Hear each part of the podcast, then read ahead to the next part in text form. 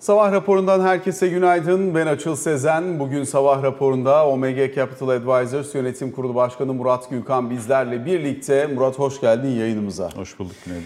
Şimdi geçtiğimiz hafta oldukça hareketliydi. Bir taraftan gün içerisinde kur hareketine Merkez Bankası'nın müdahalesinin bırakıldığı bir gün. O gün %7'nin üzerinde bir yükseliş dolar TL'de.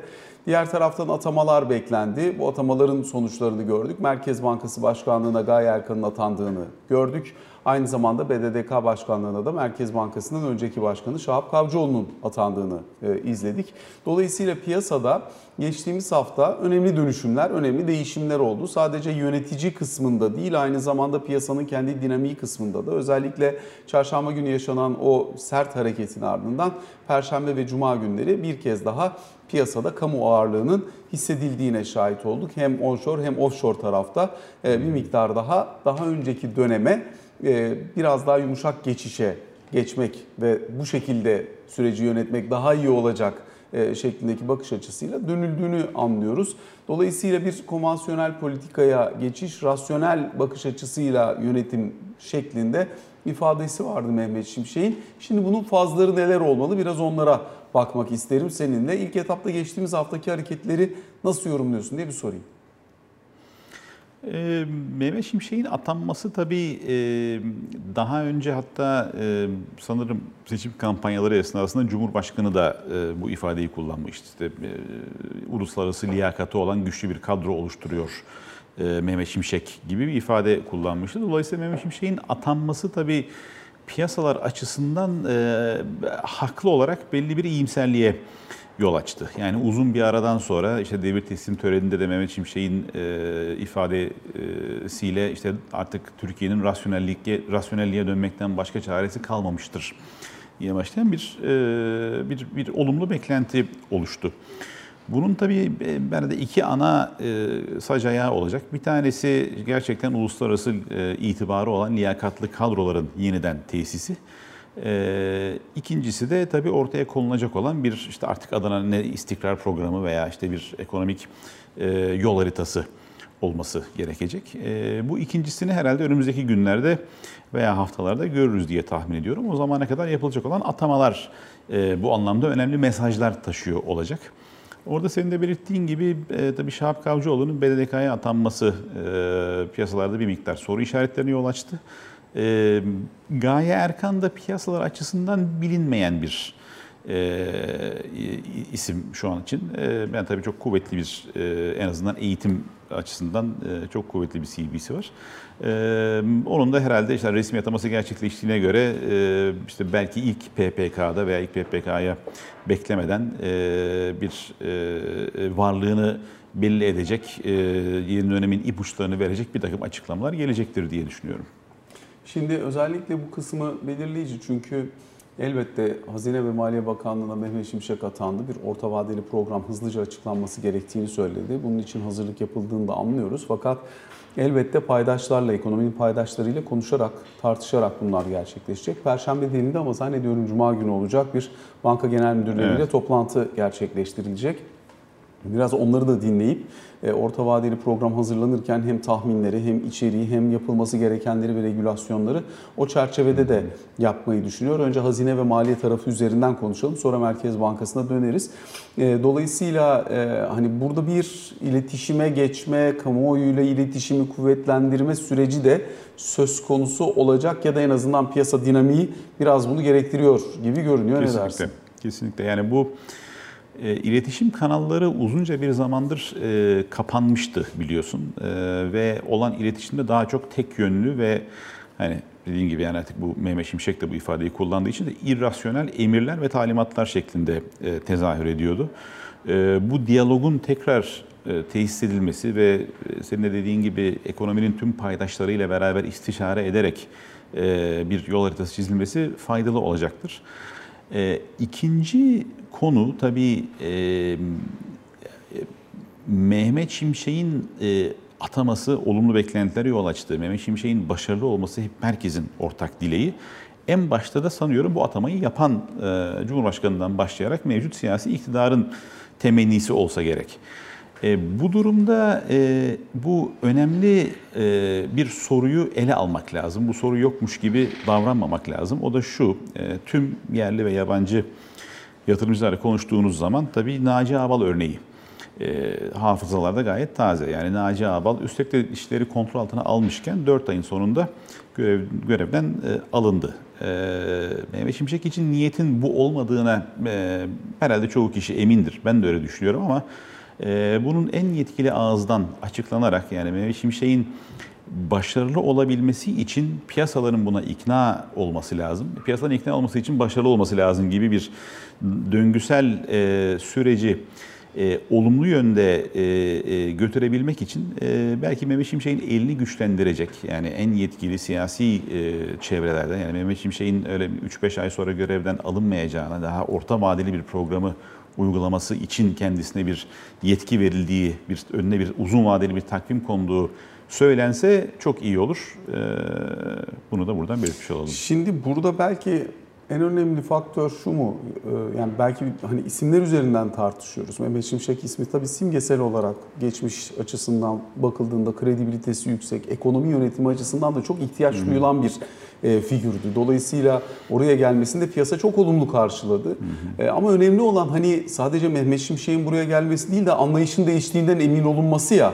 Evet. Herhalde kastım bu mudur? Yani iki ayrı ekol var. Bir tanesi bildiğimiz konvansiyonel ekonomik politikaları birazcık melezleştirerek de olsa uygulayan ya da geçmişten gelen yükü o konvansiyonel politikalara biraz daha yedirerek, uyumlu hale getirerek yönetecek. ince ayırı da çok gerekecek bir politika ama böyle gidecek bir ekol. Diğeri de daha önceki dönemki e, tırnak içerisinde kazanımları çünkü bunun bir kazanım olduğunu savunuyordu e, daha önceki ekonomi yönetimi bu politikaları mümkün olduğunca savunmaya devam edecek bir ekol. Şimdi Hazine ve Maliye Bakanlığı ile Merkez Bankası'nın e, savunduğu ekolün başka bir yerde eski ekonomik yaklaşımısı ekonomi yönetiminin bir bacağında var olmaya devam etmesi.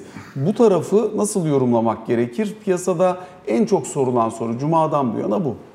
E, aynen öyle. Yani şimdi e, işte... Yani anlayış değişti mi değişmedi mi? O daha önemli değil mi? Tam da sistem açısından. onu kastediyoruz ve anlayışın ne kadar değişip değişmediği konusunda da son yapılan iki önemli atama e, yani bazı soru işaretleri uyandırdı. Yani bir tanesi e, özellikle demin söylediğimiz gibi. Dolayısıyla yoksa yani kişisel değil hani Şahap Bey'le ilgili olarak da kimsenin söylediği bir şey yani tabii, tabii, eleştiri olur aynen. bu olur ama hani tabii. kişiler değil anlayış üzerinden tartışmak e, daha mantıklı e, geliyor. Tabii e, aynen. E, dolayısıyla bu e, şimdi Herhalde işte 2018'in işte aşağı yukarı bu günü günden neredeyse tam 5 sene oldu bu işte yeni ekonomik modele geçişleri. Şimdi herhalde yeni ekonomik model e, istenen sonuçları verseydi bugünkü bu e, yeni arayış ortaya çıkmazdı. Yani demek ki buradan bir e, tekrar e, daha ortodoks bir kulvara geçiş ihtiyacı var. E, bu ihtiyaç varsa burada başarılı olabilmek için konunun sadece teknik boyutu değil, e, konunun bütün e, yani mesajlar dahil, anlayışın değiştiğine dair e, başarılı olabilmesi için bir kulvar açılması lazım önünde e, bu yeni kadronun ve yeni anlayışın. Bunun yapılması e, herkes açısından çok faydalı olur diye not etmiş olalım. Şimdi biraz Merkez Bankası tarafına geçelim istersen. Ee, özellikle e, Gaye Erkan'ın başkan olarak atanması, daha sonrasında tabii bir başkan yardımcıları için atama gerekecek yine. Ee, yani yasal olarak gerekiyor o atamalar. Hı hı. Ee, bu atamalar gerçekleşecek mi, gerçekleşmeyecek mi? Önce bir bu tarafa bakmak gerekecek. Yani değişiklik olacak mı, olmayacak mı? Bir o tarafa bakmak lazım. İkincisi de para politikası kurulunda bir değişiklik olacak mı, olmayacak mı? Ona bakmak lazım. Şimdi 10 gün sonra PPK toplantısı var. Dolayısıyla e, şimdi o PPK'ya mevcut üyelerle mi gidilecek yoksa buraya boş boş üyelikler de var bu arada. Hı hı. Hani yepyeni bir PPK ile mi gidilecek, var olan PPK'ya yeni isimler mi eklenecek? Böyle soru işaretleri de var. Yani aslında e, normal koşullarda normal bir ülkede PPK üyeleri çok da fazla tartışılmaz tartışılmasına da gerek olmaz ama e, burada artık hani o anlayış değişikliğinin izini tozunu bulabilmek için herkes her şeye bakar oldu. E tabii biz şimdi kuru 3 liradan 23 liraya gelmiş bir ülkeyiz. Dolayısıyla çok normal şartlarda maalesef e, bu e, tartışmaları gerçekleştirmiyoruz. Onun için aynen dediğin gibi e, yani bu yani eski dönemin e, anlayışının değişip değişmediğine dair önemli ipuçları e, önümüzdeki günlerde atamalarda göreceğiz muhakkak ki. Dediğin gibi yani Merkez Bankası Başkan Yardımcılıkları olsun, PPK üyelikleri olsun. Ee, orada yani siyasi otoritenin e, tercihlerini ne yönden kullandığı, Merkez Bankası'nda artık bağımsızlığından bahsetmek mümkün olmadığı için siyasi otoritenin tercihlerini ne yönde kullandığı, e, ne tür bir yol haritası e, tasavvur ettiğini daha iyi anlıyor olacağız. PPK'da piyasanın bir faiz artırım beklentisi var. Evet. Hani 25 bekleyen var, yıl sonunda 30 bekleyen var, başka bir şey bekleyen var ama sonuç itibariyle bir faiz artırım beklentisi var. Bunun bir optimal noktası var mı? Ee, görürse piyasa ne olur, görmezse ne olur, görürken alacağı mesaj ne olur? Ee, bir de e, hakikaten Merkez Bankası'ndan da bir noktada e, bir iletişim beklemek gerekir herhalde ya da gerekir mi? Ee, yoksa ilk konuşulacak yer PPK toplantısı mı olur? Onun öncesinde bir vesile herhangi bir yerde herhangi bir iletişim bekler misin? Yani 10 gün e, az bir süre değil. E, zaten hani Merkez Bankası işte az önce belirttiğin gibi yani ayağını biraz frenden çektiği zaman işte kurda bir günde %6-7'lik yükselişlerin yaşanabildiği bir ortamdayız. E, şimdi yaşanmıyor çünkü tekrar Merkez Bankası'nın e, veya işte kamunun diyelim döviz satıcısı olduğunu görüyoruz ve uzunca bir zamandır e, yani birkaç yıldır neredeyse piyasadaki tek döviz satan taraf zaten kamu. E, yani buradaki evvel emir amaç herhalde şu olmalı. Yani birilerinin daha kamunun yanında döviz arz edip TL talep ediyor hale gelmesini arzu ederiz. Bir yerli olur, yabancı olur. Bunun içinde yani 10 gün beklemek gerekebilir. 10 ee, gün piyasalar vakit herhalde tanır. Ee, bir iyimserlik devam edecektir.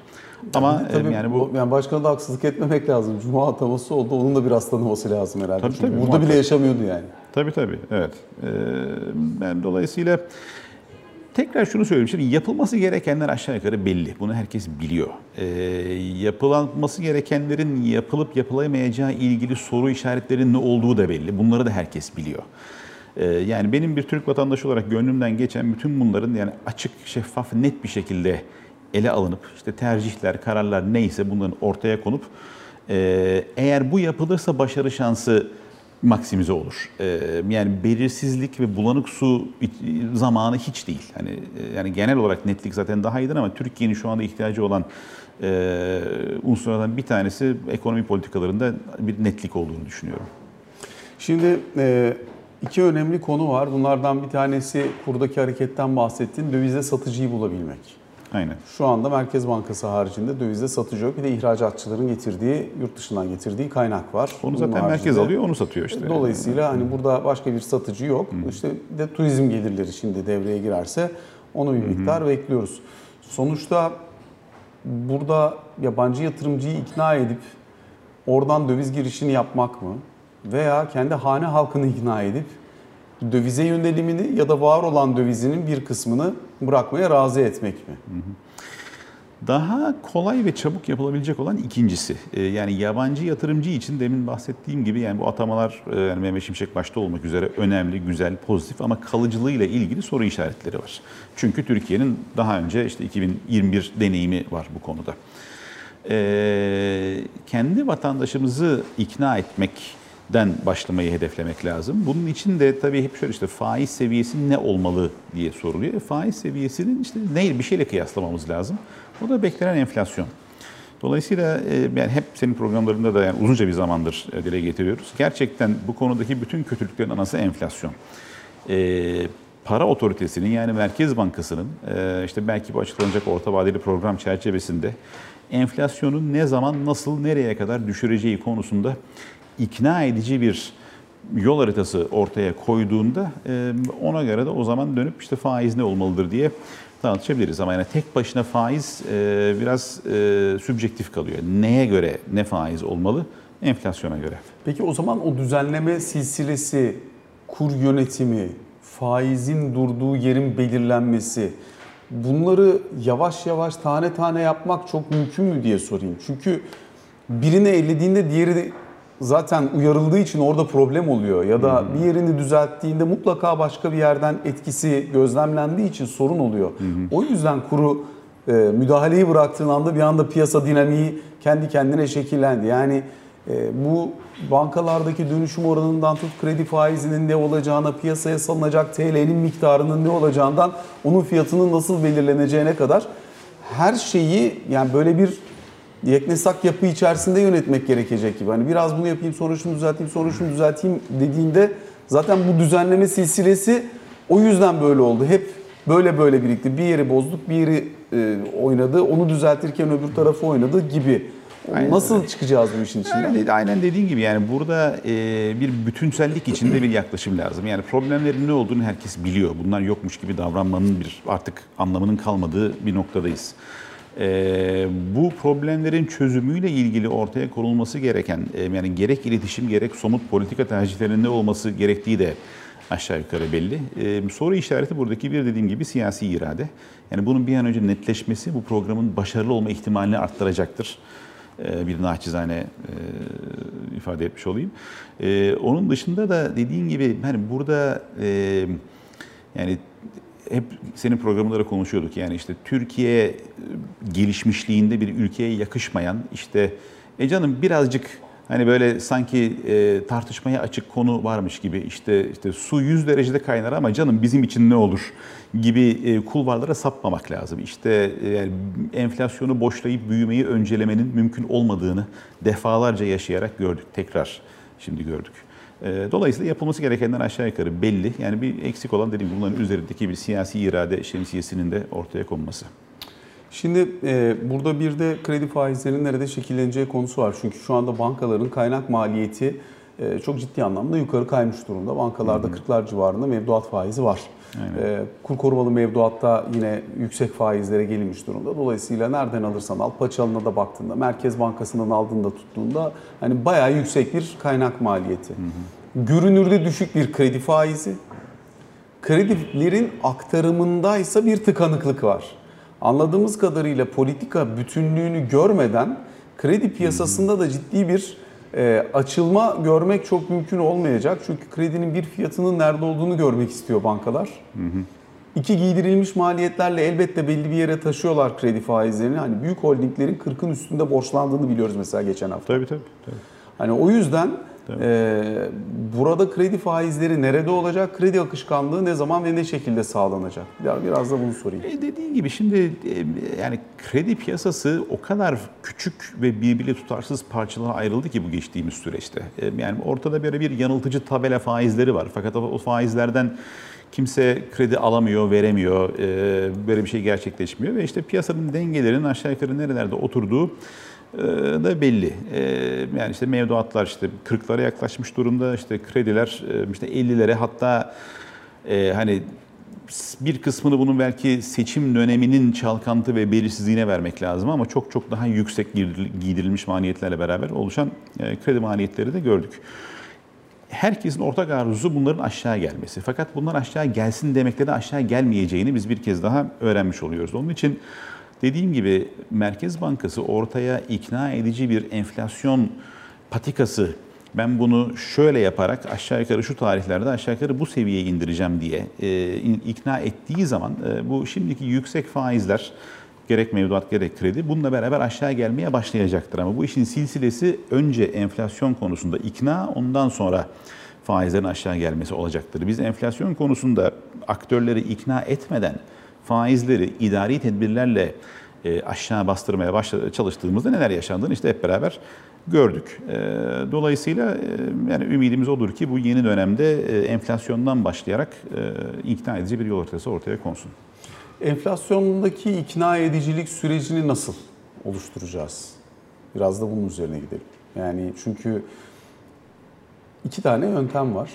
Bir tanesi yavaş yavaş kademe kademe doğru mesajlarla vesaire falan hani biraz önce söylediğimiz metodoloji. Bir tanesi ekonomiyi hızlı yavaşlatacak sert önlemlerle hani doğrudan mesaj verecek. O verdiği mesajı da doğrudan uygulayacak bir yaklaşım. Ee, Dolayısıyla hangisi ve nasıl olacak? Çünkü seçim geliyor bir de. Yani burada seçim. birincisi bu buraya getirilen işte bu liyakatli kadrolara güvenildiğini belli edecek şekilde bir e, manevra alanı e, ve bir yetki e, tanımlamak. E, yoksa böyle devamlı hani doktorun omuzun üzerinden konuşan akraba gibi müdahale edildiği zaman e, bu işe yaramıyor. Dolayısıyla benim şahsi düşüncem bu kadroların elinin güçlü olduğunu, bu işi başarabileceklerini ortaya koyacak yaklaşım e, biraz daha önden yüklemeli e, bir sıkılaştırmayı içerecektir.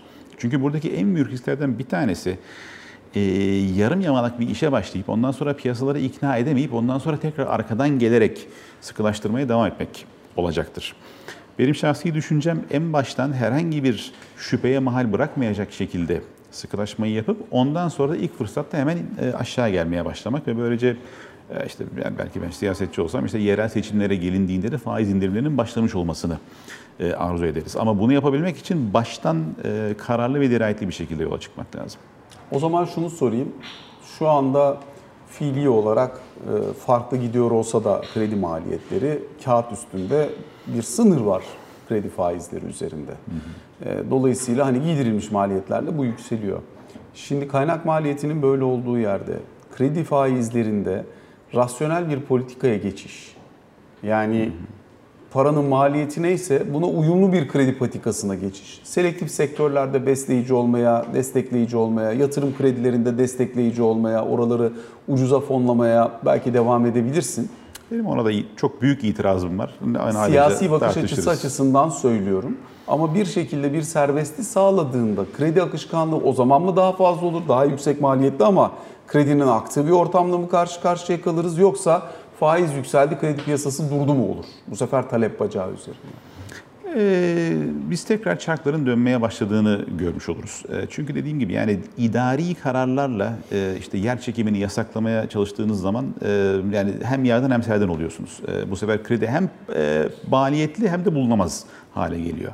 E, doğru fiyatı da ise burada piyasada oluşan fiyatlara fazla müdahale etmeden e, bunları aktörleri ikna ederek yani ekonomik aktörler yani bu hane halklarından işte şirketlere, yatırımcılara kadar e, bir bütünlük içinde ee, yani marifet bunları e, zorla yapmak istemedikleri bir şeyi e, döve döve yaptırmaya çalışmak değil, e, yani otoritenin istediği yönde bu sürüyü gülebilmek.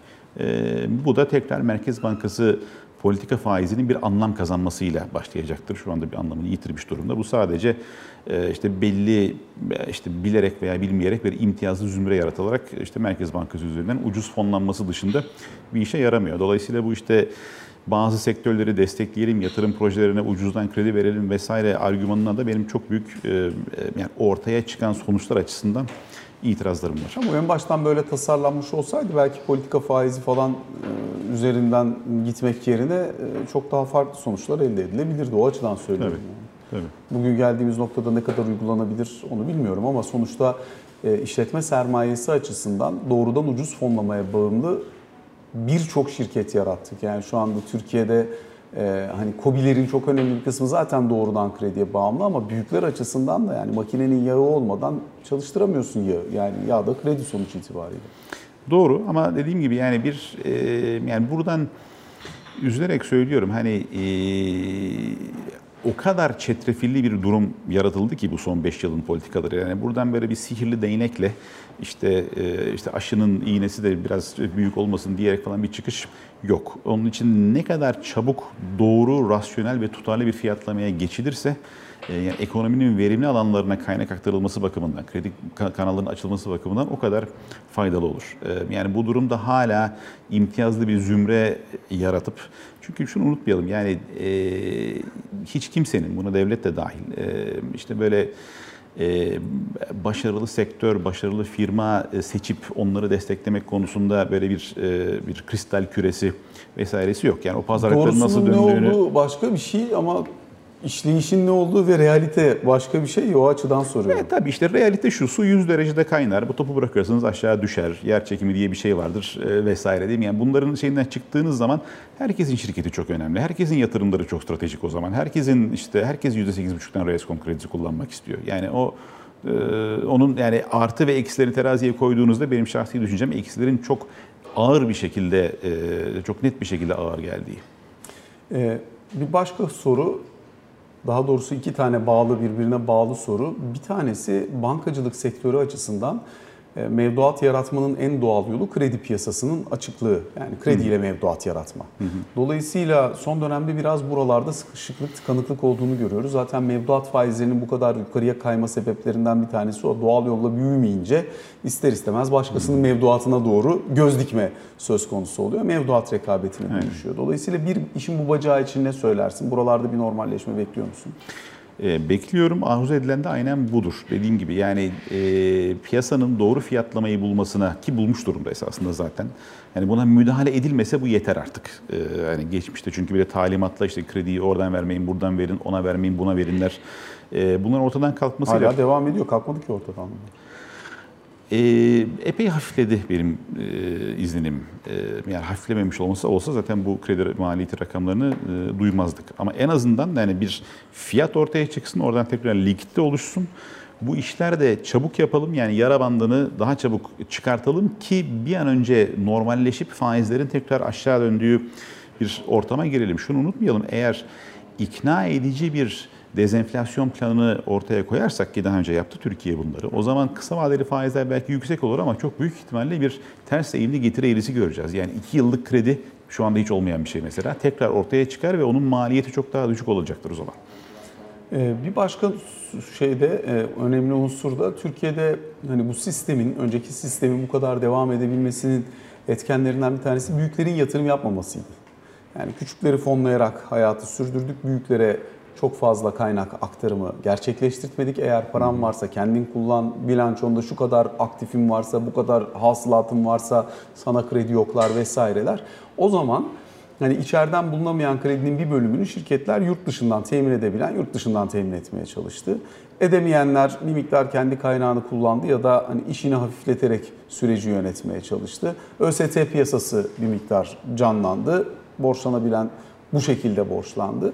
Ama sonuçta hani hayatın doğal akışına aykırı bir tabloyla karşı karşıya kalınmıştı. Özellikle büyüklerin yatırım yapma ihtiyacı büyümenin hem finansmanı hem kalitesi açısından çok belirleyici. Çünkü katma değerin oluştuğu yer ağırlıklı olarak oralar. Evet. Bu taraf için ne söylersin bundan sonrasında? E Şimdi dediğim gibi şimdi büyüklere kredi vermeyelim, vermeyelim. Siz işte ya öz kaynağını kullan, ya yurt dışından borçlan. Sonra başka sebeplerden dolayı e, yurt dışından borçlanmanın da yani bütün bu işte ödemeler ve sermaye hesabının getirilen kısıtlamalardan dolayı bu imkanlar da kalmadı ki zaten e, yani baktığınızda son 5 yıldır e, yani bankacılık olsun, reel sektör olsun, sigortacılık olsun vesaire yani yurt dışı kaynaklara, e, yurt dışı krediye erişimde ciddi bir kısıtlama yaşandığını görüyoruz. Daraldı bütün yabancı kredi line'ları.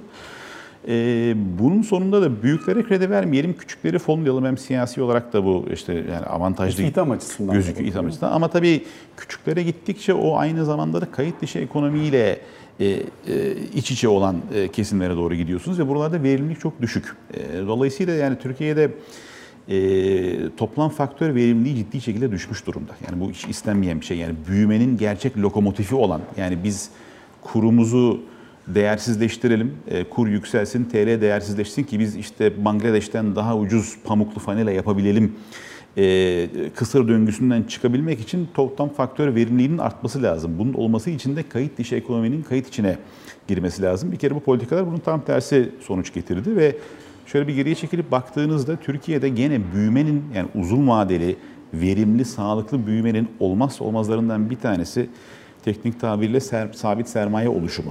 Yani insanlar işte ne yapıyor? Yani gayrimenkul hariç baktığınız zaman net sabit sermaye oluşumu sıfıra yakın seyrediyor uzunca bir zamandır. Bunlar istenmeyen şeyler. Böyle büyüyemeyiz zaten. Yani verimsiz sektörlere e, işte böyle hani e, siyasi popülizm çerçevesinde kaynak aktararak istenen sonuçları elde edemeyeceğimizi zaten herhalde görmüş durumdayız ki bu değişim ihtiyacını e, ortaya koyuyoruz. Murat çok teşekkür ediyoruz bu sabah yayınımıza katıldığın, soruları yanıtladığın için. Kısa bir aramız var. Sonrasında Ali Can Türkoğlu'yla son bölümde karşınızdayız.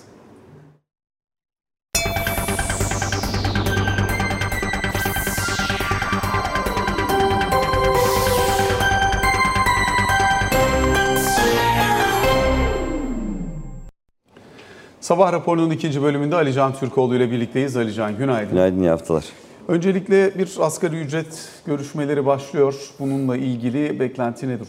Ne durumda? Ee, yarın başlıyor. Yarın başlamasından da bu sefer şu konuşuluyor Ankara'da daha doğrusu. Geçtiğimiz hafta Ağustos'a kalabilir ilk maaşların yatırılması diye e, anlatmıştım. Ama e, hafta sonunda görüştüğüm isimler hızlı bir şekilde görüşmelerin ilerlemesi durumunda e, Temmuz ayı maaşlarına da asgari ücretin zamlı yatabileceği yönünde umutlarını koruduklarını ifade ettiler. Şimdi burada bir 500 e, dolar açıklaması olduğu için süreç ona biraz kilitlenmiş vaziyette. Şimdi ilk 5 ay normalde enflasyon %15.26. E, Dolayısıyla hani bu ayki enflasyon ne gelir bilmiyorum ama e, beklenti 500 dolarla sabitlendiği için e, %30 zam gelmesi durumunda öyle öyle söyleyeyim 11.057 liraya çıkıyor asgari ücret şu an itibariyle. E, brütü 13 bin küsüre denk geliyor. İşte %20 olursa 10.207, %25 olursa 10.632 e, liraya denk geliyor. Şimdi görüşmeler yarın başlayacak. Buna ilişkin e, muhtemelen takvim belirlenecek Çalışma Bakanlığı'ndaki toplantıdan sonra. E, benim beklentim 11 bin lira seviyesine getirilmesi. O da 500 dolar açıklaması daha önceden yapıldığı için. Şu anda 500 Dolar yerine durmadı gerçi ama. Zaten ne kadar duracak, nereye, ne noktaya gelecek orası da e, belli değil.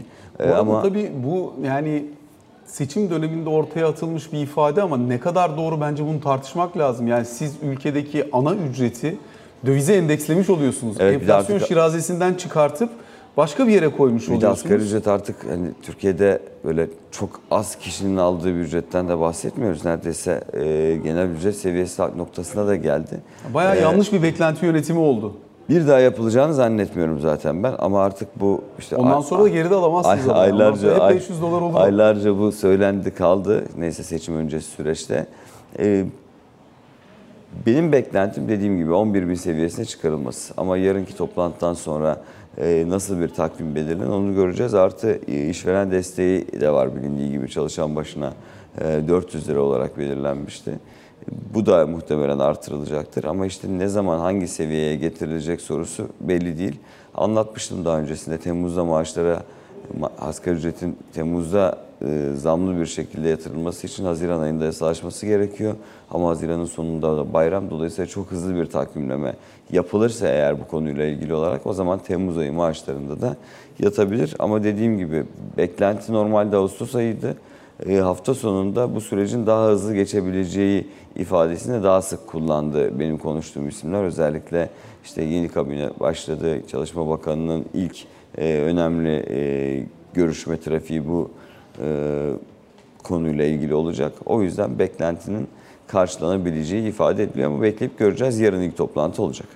Peki e, muhalefet tarafında yaşananları da bir hızlıca değerlendirelim istersen. Özellikle Ekrem İmamoğlu'nun bir değişim isteği, değişim talebi, İstanbul'un e, İstanbul'da yaşanan değişimi Türkiye'ye yayma yönünde söylemi var. E, Kemal Kılıçdaroğlu'nun verdiği mülakattaki ifadeleri çok tartışıldı muhalefet tarafında. O cephede var mı yeni bir şey? Daha tartışılacaktır da. Bugün MYK'yı ikinci kez toplayacak e, Sayın Kılıçdaroğlu. Yarın da e, bu hafta da grup toplantısında da konuşacak. Dolayısıyla bu haftaki grup toplantısında da bu konuya ilişkin mesajları vermesini bekliyoruz ama Sayın İmamoğlu da mesela o konuşmalardan sonra bir geri adım atmış veya bir sessizleşmiş değil. Yani hafta sonu yapmış olduğu açıklamada diyor ki ülkede bir sistem vaat ediyoruz diyor. Bu da bir değişimdir diyor. Siyasetin de bu anlamda aynı şekilde bir değişime ihtiyacı var. Bu fikrimde de kararlıyım e, diye de devam ediyor. Dolayısıyla e, Cumhuriyet Halk Partisi'nde Kemal Kılıçdaroğlu ve Ekrem İmamoğlu arasındaki değişim üzerinden devam eden tartışma sanki bu haftada sürdürülecekmiş gibi gözüküyor. Ha, Sayın İmamoğlu Cumhuriyet Halk Partisi Genel Başkanlığından bir şekilde adaylık açıklayacak mı?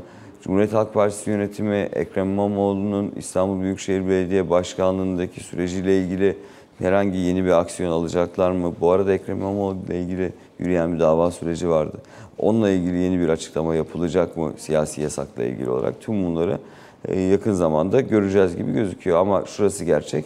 Cumhuriyet Halk Partisi'ndeki bu tartışmalar e, bir süre daha devam edecekmiş gibi gözüküyor. Yani MYK'nın değişmiş olması, yönetimin çok büyük bir oranda değişmiş olması e, Cumhuriyet Halk Partisi'ndeki o rüzgarları dindirmiş değil. Özellikle İstanbul Büyükşehir Belediye Başkanı üzerinden yapılan açıklamalar CHP içerisinde bu tartışmanın her zaman sıcak kalmasını sağlıyor. Dolayısıyla o tarafta yani CHP tarafında bu tartışma sürecek. Muhalefetin e, diğer siyasi partilerinde sadece Türkiye Büyük Millet Meclisi'nde CHP listelerinden seçime giren siyasi partilerin beraber hareket edip bir grup kurması olacak mı olmayacak mı? Burası daha merak edilen bir husus şu an itibariyle meclis aşamasında. Bununla ilgili de şu anda yeni bir gelişmenin olmadığını söylemem lazım. Ee, bu haftanın dışında tabii kritik görüşmeler, kritik toplantılar gerçekleştirilecek. İşte Mehmet Şimşek'in e, bankalarla, banka genel müdürleriyle bir araya geleceği yönünde bir bilgiyi paylaşmıştık geçtiğimiz hafta içerisinde. Yine NATO'dan, NATO İsveç Türkiye toplantısının bugün olması bekleniyor. Nasıl bir açıklama yapılacak göreceğiz. Dolayısıyla hani yeni kabine sonrası siyaset artık e, rayına girmiş, toplantılar düzenlenmiş ve bu toplantılar üzerine yapılacak yeni açıklamalar bekleniyor. Bu hafta mecliste mesela grup toplantıları var artık düzenli olarak konuşmaya başlayacağız gibi gözüküyor. Alican teşekkür Ben ediyoruz. teşekkür ederim. Böylelikle sabah raporuna son noktayı koymuş oluyoruz. Hoşçakalın.